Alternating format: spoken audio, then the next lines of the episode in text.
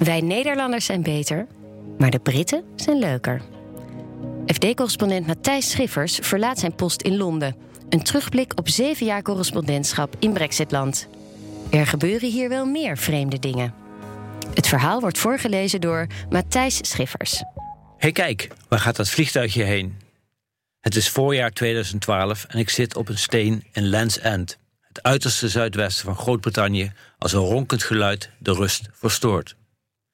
Een Engelsman naast mij geeft het antwoord. De Scilly-eilanden, zegt hij. Ik had er nog nooit van gehoord, maar de bestemming klonk exotisch en prikkelde mijn fantasie. We spoeden zeven jaar vooruit. Ik heb de archipel van ruim 100 veelal onbewoonde eilandjes op 45 kilometer uit de kust door de moeilijkheidsgraad om er te komen nog steeds niet bezocht. Maar het is nu of nooit. Mijn Britse correspondentschap zit erop. Deze zomer verruil ik Londen voor Brussel. Het wordt tijd voor een terugblik en ik besluit dat de Scilly-eilanden de aangewezen plek zijn voor reflectie. Niemand die ik ken is hier ooit geweest. Er wonen amper 2000 mensen. Veel entertainment is er niet. Vanuit St. Mary's, het grootste eiland, kun je boottochtjes maken naar de andere eilanden.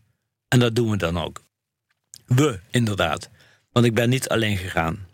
Roderick, een Ierse vriend van me, gepensioneerd, wilde graag mee. In de jaren 70 woonde Rod in Derry, die Noord-Ierse grensstad die zo lang onrustig was vanwege spanningen tussen protestanten en katholieken. In zijn straat ontplofte ooit een bom van de IRA, waardoor de ruiten in zijn appartement aan dichten gingen en zijn jonge kinderen begonnen te huilen. Rod speelt graag gitaar en na een optreden in een pub in Derry legde iemand een hand op zijn schouders. Of hij even mee naar buiten wilde gaan. Daar stonden een paar duistere types, elk met een hand in de zakken. Een schot in zijn knieschijf dreigde, maar gelukkig kwam er net op tijd iemand toegesneld die de mannen liet weten dat er een misverstand was. Rot kwam met de schrik vrij. Kneecapping, dat is het woord, zegt hij tijdens een lunch op het zonnige terras van de Turk's Head, een fraaie pub op het eiland Sint Agnes, waar we zijn aangemeerd. Wist je dat dat nog steeds gebeurt in Noord-Ierland? Ik had erover gelezen, ja. Het zijn barbaarse praktijken die je niet verwacht in een moderne westerse maatschappij. Maar goed, dit is het Verenigd Koninkrijk, een land waar wel meer vreemde dingen gebeuren.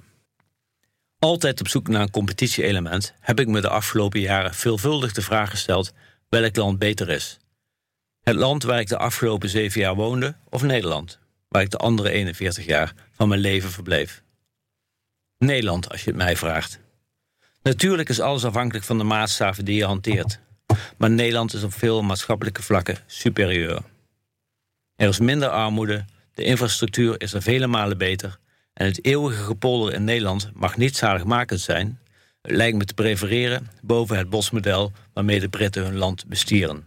Maar het Verenigd Koninkrijk is, mede daarom natuurlijk, veel avontuurlijker, spannender en interessanter. Voor een journalist is het een walhalla.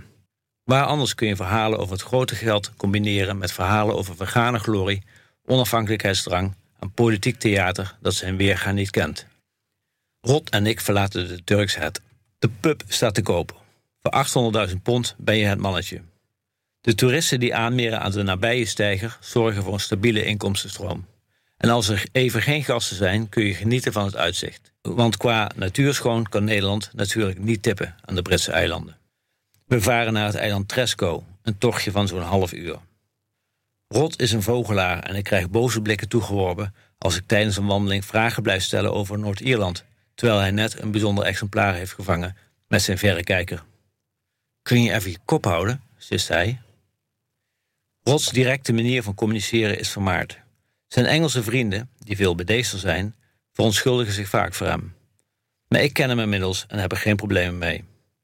Ik zag hem een keer geld uit de muur halen om het aan een zwerver te geven. Ruwe bolster, blanke pit.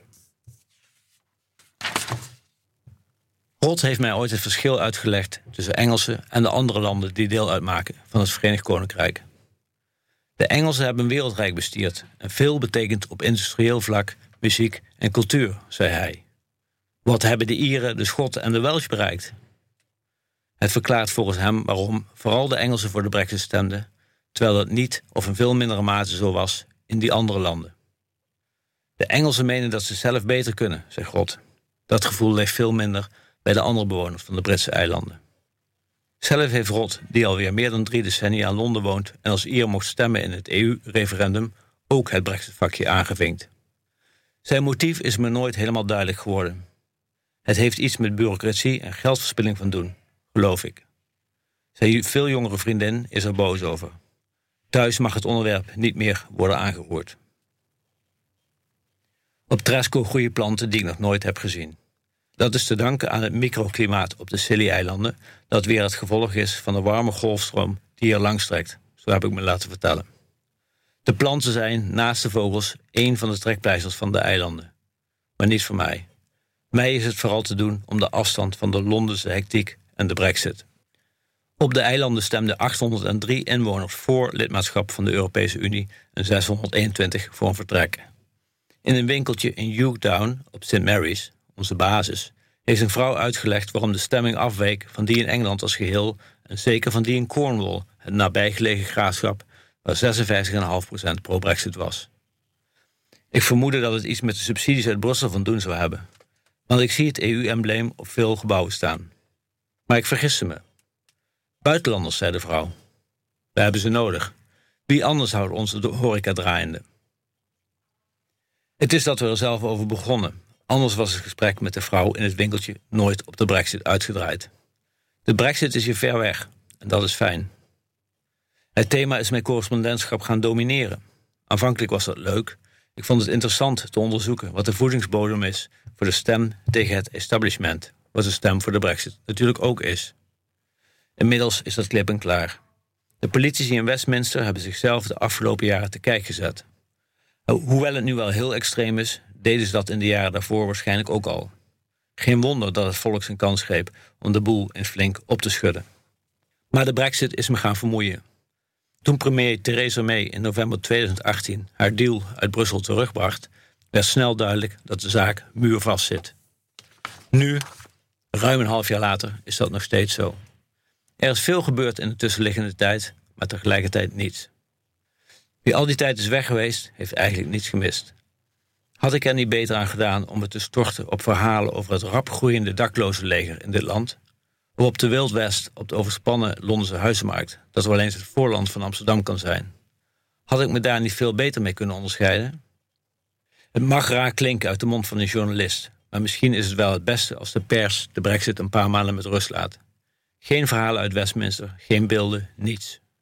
Misschien dat de Britse politici het probleem eindelijk oplossen als ze omgeven worden door een stilte die vergelijkbaar is met die op de Scilly-eilanden. Er zijn mensen die denken dat het Verenigd Koninkrijk na deze episode nooit meer hetzelfde zal zijn. Maar daar ben ik niet zo zeker van. In wezen zal er weinig veranderen, vermoed ik. En ik weet ook niet of dat heel erg is.